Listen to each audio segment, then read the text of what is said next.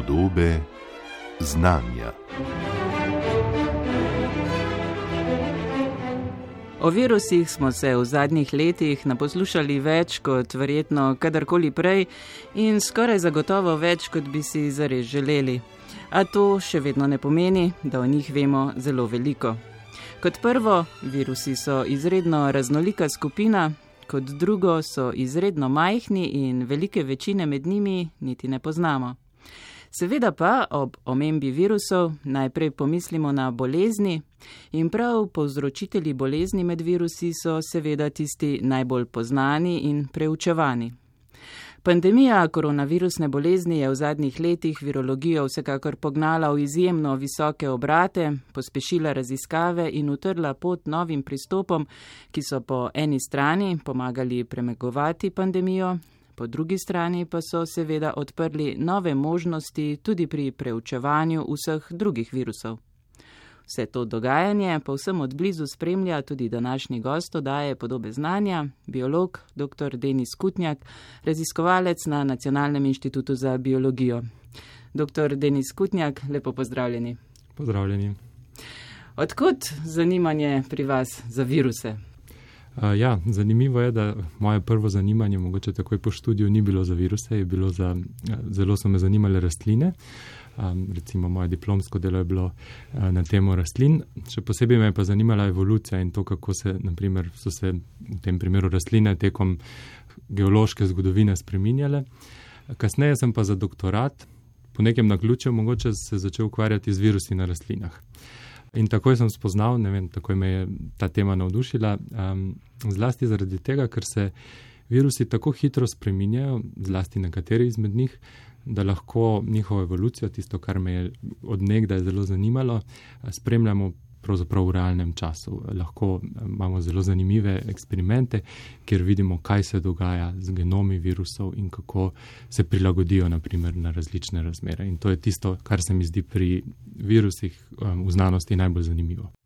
Vsekakor smo se ob aktualni pandemiji vsi pravzaprav naučili, kako zelo hitro se uh, lahko virusi spreminjajo, kako nas eh, neprestano oblegajo različne različice torej tega novega koronavirusa SARS-CoV-2. In nedvomno se je vpliv te pandemije močno občutil na celotnem področju znanosti in virologije, še prav posebej.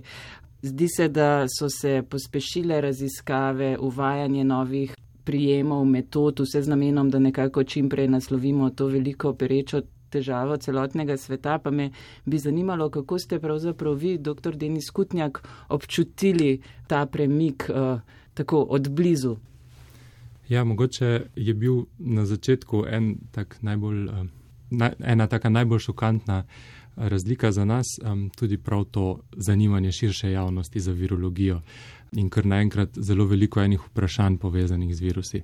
Na začetku so bila tudi taka vprašanja, ki mo mogoče niso bila iz našega ožjega področja, pa mogoče tudi um, nismo, nismo bili tako kompetentni, da bi lahko zelo pomagali.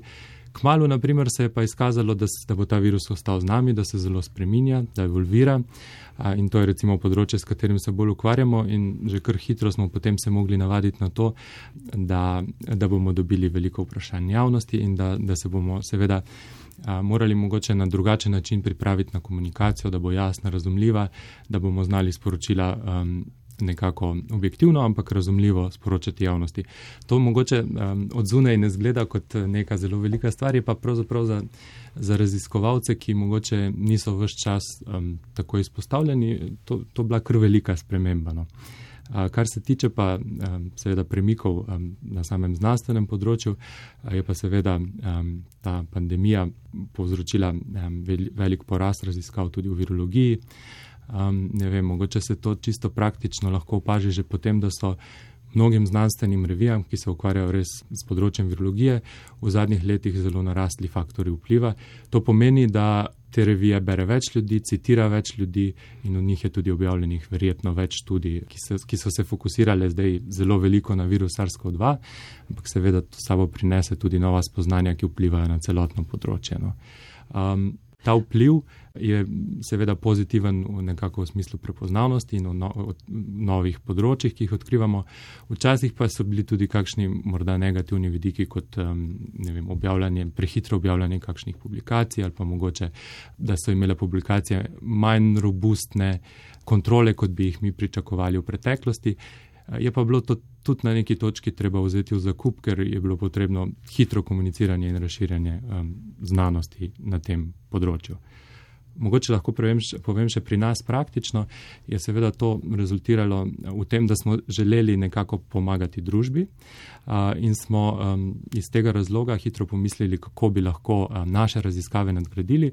In en izmed rezultatov je naprimer monitoring virusa SARS-CoV-2 v odpadnih vodah, ki smo, ga, ki smo ga uvedli in je potem prešel na nacionalno raven. In pa tudi neke druge aplikacije povezane s tem, recimo kolegi so se ukvarjali s testiranjem materijalov za zaščitne maske, z njihovo filtracijsko učinkovitostjo in naprimer z njihovim protivirusnim delovanjem. Ja, zdi se res, da ste se znanstveniki vseh področjih skušali angažirati tudi na področju naslavljanja pandemije in da ste recimo torej na Nacionalnem inštitutu za biologijo, kjer se v veliki meri ukvarjate pravzaprav z rastlinskimi virusi, ki so tudi izredno aktualni, torej preusmerili svoje znanje tako, da je zajelo tudi aktualni, najbolj problematični virus. Pa če se morda za trenutek še pomodiva pri tem omenjenem monitoringu odpadnih voda, kako pravzaprav lahko spremljate njihovo navzočnost, kakšne metode tu pridejo v poštev, pa tudi uh, katere vse viruse pravzaprav spremljate ali bi lahko spremljali, dr. Denis Kutnjak. Ja, metode, ki jih uporabljamo pri spremljanju virusa SARS-CoV-2 v odpadnih vodah, so pravzaprav metode, ki smo jih um, že v preteklosti uvedli pri študiju virusov v, um, v okolju, v vodah ali pa odpadnih vodah. S tem smo imeli pred pandemijo SARS-CoV-2 že kar veliko izkušenj. Spremljali smo v preteklosti uh, tako humane, živalske kot, um, kot omenjeno rastlinske viruse v vodah. In smo naprimer tudi dokazali, da lahko neki zelo škodljivi rastlinski virusi preživijo tudi čiščenje v čistilnih napravah in se na ta način potem morda razširijo nazaj v okolje. No, zato, da te viruse v, v vodah lahko spremljamo nekako, eh, jih moramo zaznati in ker so v vodah lahko razrečeni, potrebujemo metode, ki omogočijo najprej eh, koncentriranje takih virusov iz vod, potem pa zelo občutljivo detekcijo in pa kvantifikacijo, torej določitev njihovega števila v nekem vzorcu vode. No, vse te metode smo povezali tudi pri monitoringu virusa SARS-CoV-2 kjer smo najprej eh, v začetku pričeli s spremljanjem tega virusa eh, v Ljubljani, na čistilni napravi v Ljubljani. V prvem valu epidemije, ki je bil nekako v Sloveniji milejši, virusa še nismo zaznali. Začeli smo res čisto na začetku, ko pravzaprav se s tem spremljanjem virusa v odpadnih vodah druge še niso ukvarjali. Smo pa že takoj v drugem valu, je, ki je bil uh, višji v Sloveniji, virus začeli zaznavati v odpadnih vodah in potem smo postopoma razširili ta, to spremljanje virusa na monitoring večjega števila čistilnih naprav v Sloveniji, kjer sedaj trenutno spremljamo sedem večjih čistilnih naprav in v odpadnih vodah določamo tako koncentracijo, torej kakšna je količina tega virusa v odpadnih vodah, kar je seveda povezano s tem, koliko ljudi je okuženih in izloča virus skozi blato v kanalizacijski sistem. Hkrati pa spremljamo tudi različice tega virusa, torej morda pojavljanje novih različic ali pa razmerja med različicami, ki se trenutno pojavljajo v neki širši populaciji. Kako redno pa se izvajajo te monitoringi? Konec koncev to zahteva neko delo, neka sredstva, treba je tudi se odločiti, katere viruse se spremlja, se pravi, zdaj je na tapeti še vedno predvsem SARS-CoV-2. Ja, trenutno spremljamo virus SARS-CoV-2, eh, tedensko njegovo količino eh, na sedmih čistilnih napravah eh, in pa različice v razdobju 14 dni na treh večjih čistilnih napravah. Seveda, frekvenca in pa tudi um, nekako količina ozorcev, ki jo vzamemo, je odvisna od tega, kaj je tisti trenutek smiselno in glede na potek epidemije in seveda tudi glede na financiranje, um, ki, je, um, ki je nekako um, namenjeno uh, takemu monitoringu. Z pravzaprav z zelo uh, podobnim oziroma z, z istim pristopom bi lahko v odpadnih vodah spremljali tudi uh, številne druge viruse. Naprimer, v preteklosti smo že v odpadnih vodah zaznavali enteroviruse, viruse, ki povzročajo črvesne težave pri človeku. Ali pa bi lahko monitoring razširili na neke nove grožnje. Naprimer, trenutno smo že začeli z vzpostavljanjem sistema za morebitno spremljanje virusa opičjih kos v, v odpadnih vodah. Seveda je to, ali virus lahko zaznamo v odpadnih vodah, malo odvisno od virusa do virusa. Nekateri so v okolju bolj stabilni, nekateri manj. In zato je ta nekako zmožnost, da nek virus spremljamo, ni čisto enaka za vsak virus. Niso pa samo virusi tisti, ki jih lahko spremljamo v odpadnih vodah. Odpadne vode so nekako ogledalo, lahko rečemo, tiste družbe, ki, ki je nekako povezana na nek kanalizacijski sistem.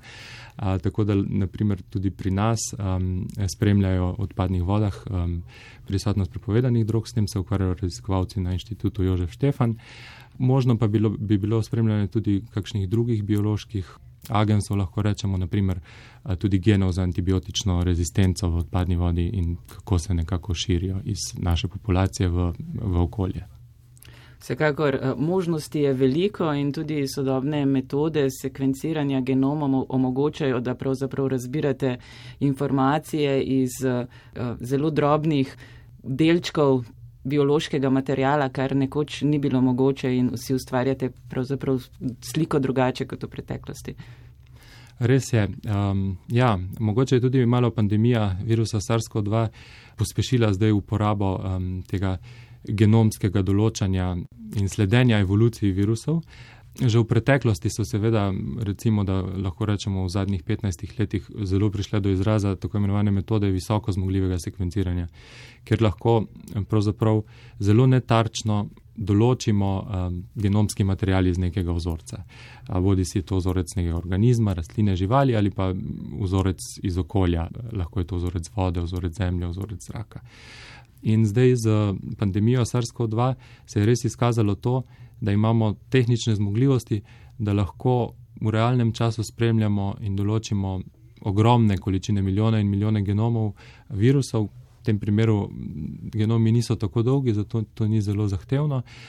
In lahko v realnem času, pravzaprav zdaj vsak, ne samo mi raziskovalci, ampak so podatki dostopni in tudi vizualizirani na lep način na spletu, lahko vsak posameznik spremlja, kaj se dogaja, kakšne so mutacije, kako, kako je se virus spremenil v zadnjem mesecu, v, zadnjih, v zadnjem pol leta ali v, v nekem obdobju, ki, ki ga želimo pogledati.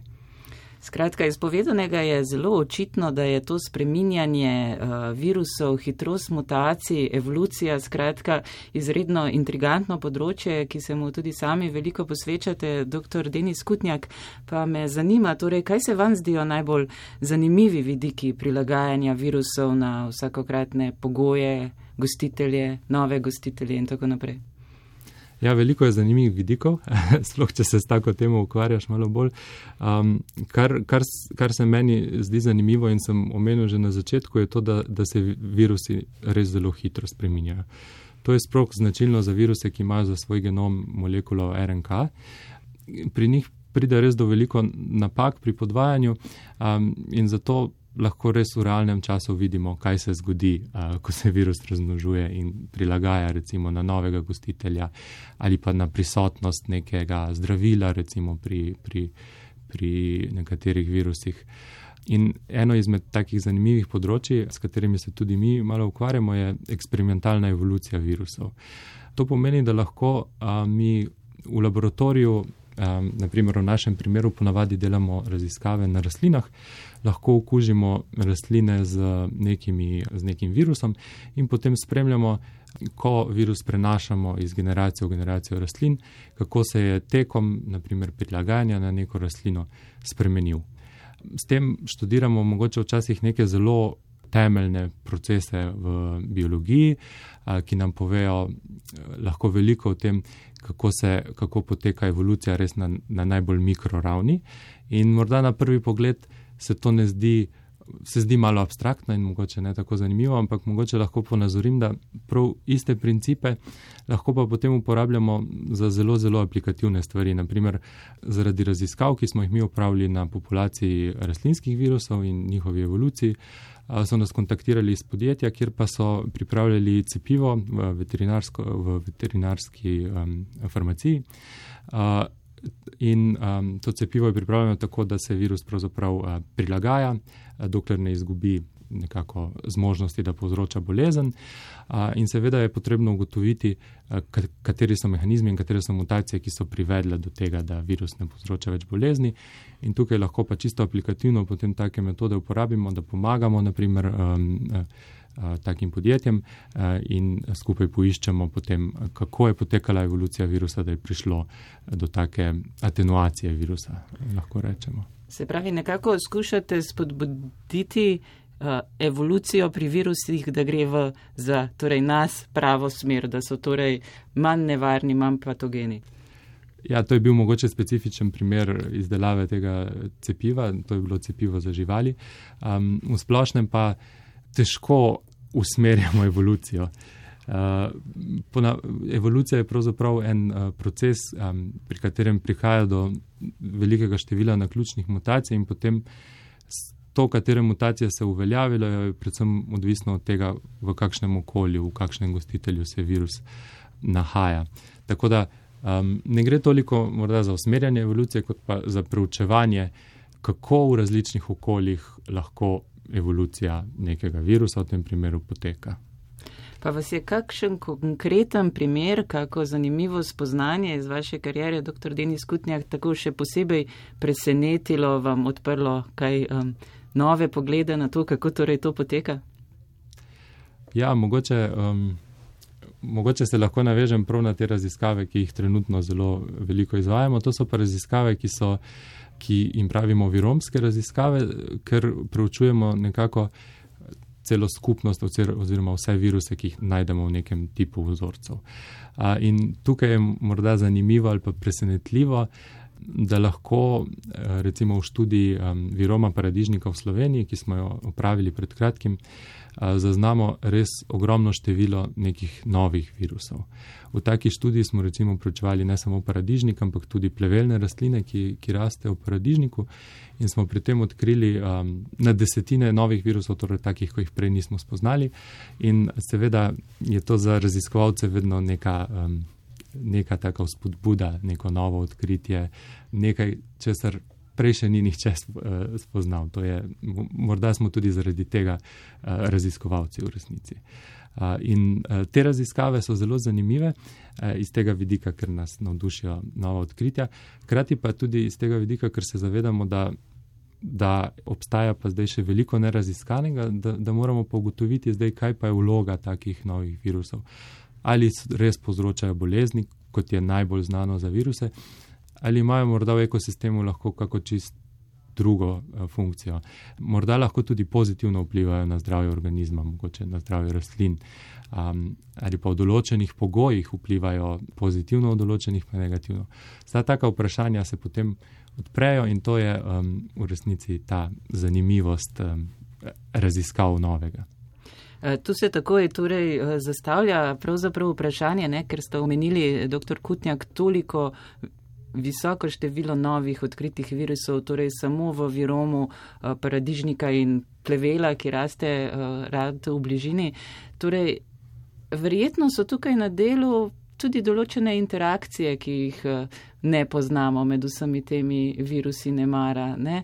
Uh, zdi se, da um, skratka, ko odkrijete neko novo področje, da potem pač je možnih nastavkov zelo veliko. V kiro smer recimo trenutno peljete svoje raziskave, katera so tista vprašanja na tem področju, ki bi jih najraje naslovili? Ja, eno izmed um, teh zanimivih vprašanj je morda ta bolj um, ekosistemski pogled na prisotnost virusov. No. Naprimer, tekom naših raziskav smo se veliko posvečali virusom na rastlinah, pa tudi virusom uh, v okoljskih vzorcih, naprimer virusom v vodi.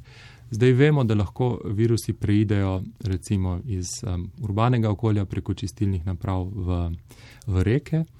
Ne vemo pa naprimer njihove nadaljne usode prav v okolju. Vemo, da lahko preživijo v vodi dlje časa, tudi na tem področju smo, uh, smo izvajali raziskave. Um, ampak kakšen je pa prav njihov vpliv v ekosistemu, je pravzaprav zelo težko raziskati, ker um, potrebuješ sistem v naravi, v katerem pravzaprav določiš neke um, premike virusov, naprimer iz vode v rastline uh, in morda potem v polščine. No in na tem področju ni veliko raziskanega in znanega, in morda je to eno izmed vprašanj, ki nas še prav posebej zanima. Kako se virusi, za nas je, so rastlinski virusi res zanimivi, kako se premikajo med različnimi deli ekosistema, kako se premikajo recimo takrat, ko niso v gostiteljih, kako spet pridejo do gostiteljev, recimo iz vode do rastlin, potem a, morda okužijo neke divje rastline in kako potem ta okužba v divjih rastlinah vpliva morda na polščine, na prenos iz nekega bolj naravnega eh, dela ekosistema v nek bolj um, urejen um, kmetijski ekosistem. To je eno področje, s katerim bi se radi v prihodnosti bolj ukvarjali in nas eh, zagotovo zelo zanima. Trenutno pa eh, recimo so zanimive tudi raziskave virusov, ki povzročajo v kmetijstvu um, veliko škode. Eden izmed takih virusov je virus rjave grbančavosti plodov paradižnika. In v okviru projektov, ki jih imamo na, na našem oddelku, raziskujemo preživetje tega virusa. Naprimer, kolegi se ukvarjajo s tem, kako dolgo je virus lahko infektiven v vzorcih vode ali pa kako se lahko preko hidroponskih sistemov, kjer rastline gojimo v neki hranilni raztopini, kako se lahko prenaša izključno preko uh, vodnega medija um, ali pa kako bi se lahko prenašal uh, z zalivanjem z okuženo vodo. To so zelo praktični vidiki, ki zelo hitro vodijo tudi do nekih spoznanj, ki so potem pomembna tudi v kmetijstvu za obvladovanje takega virusa. Je bil to tisti virus, za katerega ste omenili, da pride um, uspešno mimo um, torej teh uh, čistilnih naprav? Ja, um, za točno ta virus nismo dokazali um, prehoda skozi um, čistilno napravo, uh, smo pa dokazali to za tri zelo sorodne viruse, rečemo, da so virus, virusi iz istega rodu, ki so tudi zelo stabilni. Glede na naše zadnje raziskave, pa izgleda, da je ta virus prav tako stabilen ali pa morda še bolj stabilen kot ti virusi v okolju. Tako da um, smo lahko precej, z precejšno gotovostjo rečemo, da bi tudi ta virus preživel klasično čiščenje v čistilnih napravah in se potem širil naprej v okolje. To se zdi, da torej virusi so zelo um, odporni in prilagojeni na najrazličnejše prepreke, za katere se nam zdi, da obstajajo v naravi, pa vendarle so majhni in mobilni in hitro preskočijo. Virusi so zelo raznoliki, to je pomembna stvar. Mogoče je to pomembno, da, da se vse čas zavedamo, da so zelo različni. In poznamo viruse, ki so zelo stabilni, kot ti, o katerih so se zdaj pogovarjali. To so tobamo virusi, to so res tudi izgledajo že kot ene zelo um, robustne palčke, če jih pogledamo pod elektronskim mikroskopom. Poznamo pa tudi viruse, ki v okolju niso stabilni, ki pravzaprav izven gostitelja ne morejo preživeti in se na tak način tudi ne morejo širiti, uh, da bi dlje časa preživeli v okolju in potem povzročili spet bolezen. Tako da pri virusih imamo res celo paleto oblik, tipov genomov, eh, njihovih fizičnih lastnosti, um, tega, ali povzročajo bolezni ali ne. Torej, raznolikost je velika in ne gre vedno uh, v enako smer. Zdi se pravzaprav, da poznamo zelo majhen del virusov in to večinoma teh patogenih. Ja, res je. Um, neke teoretične raziskave kažejo, da res poznamo delček raznolikosti virusov in virusnih genov trenutno. In te, ki jih poznamo, res poznamo večinoma um, z vidika tega, da povzročajo bolezen, kar je nekako na nek način logično, ker smo jih v preteklosti na tak način najprej opazili in jih zato tudi zaznali. Je pa res, da z prihodom metod visoko zmogljivega sekvenciranja, ki omogočajo netarčne raziskave virusov, pa lahko rečem, da v, zadnjih, v zadnjem desetletju odkrivamo veliko število novih virusov, za katere pa ne vemo, ali so patogeni ali niso patogeni in kakšno vlogo imajo v ekosistemu. In to je mogoče eno znemirljivo področje virologije, ki ga bomo v preteklosti zagotovo še naslavljali. Vsekakor se zdi, ja, da je virologija res eh, prešla v visoke obrate s to pandemijo in da bodo pač nadaljne raziskave res eh, še zelo zanimive in da bomo verjetno odkrili še veliko, veliko novega. Ne mara nekoč eh, ne bomo več vsem virusom rekli virusi, ker bomo odkrili, da so si med seboj zelo različni ali pač. Ja, raziskave v virologiji bodo zagotovo zanimive še naprej. In ja, že zdaj poznamo temu rečemo tudi subvirusne entitete, naprimer satelitske viruse ali pa pri rastlinah viroide. Um, to um, niso virusi, so pa nekako virusom podobni delci, so pa zanimivi predvsem zato, ker ne vsebujejo nobenega zapisa za izgradno proteinov. To so pravzaprav popolnoma gole molekule RNA, ki pa v rastlinah um, lahko, se lahko razmnožujejo in lahko povzročajo bolezni. Tako da ta virosfera je zelo zanimivo in uh, nekako raznoliko področje. Vsekakor vam želim še veliko nadaljnih raziskovalnih uspehov, pa najlepša hvala za tale pogovor, dr. Denis Kutnjak. Hvala vam.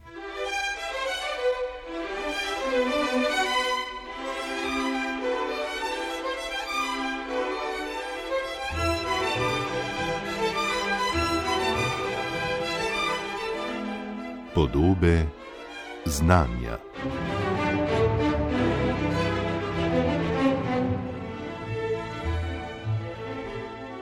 Z dr. Denisom Kutnjakom sem se pogovarjala Nina Slaček, zato je skrbel Damjan Rostan. Vabljeni, da oddaji podobe znanja prisluhnete tudi na spletni strani programa Ars ali jo poiščete med podcasti.